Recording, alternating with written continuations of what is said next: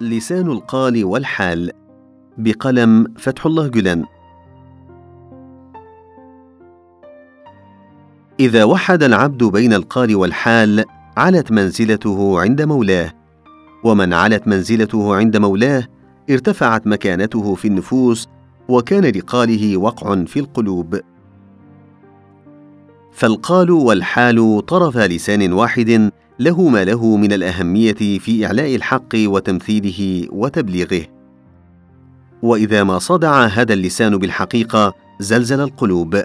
ذلك هو شأن من جمع بين الحال والقال ولم يفصل بينهما فكلماته تترك في القلوب اثرا لا يمحي ويكتب لها الخلود. وفي الأثر أن الله أوحى إلى عيسى بن مريم عظ نفسك بحكمتي فإن انتفعت فعظ الناس وإلا فاستحي مني.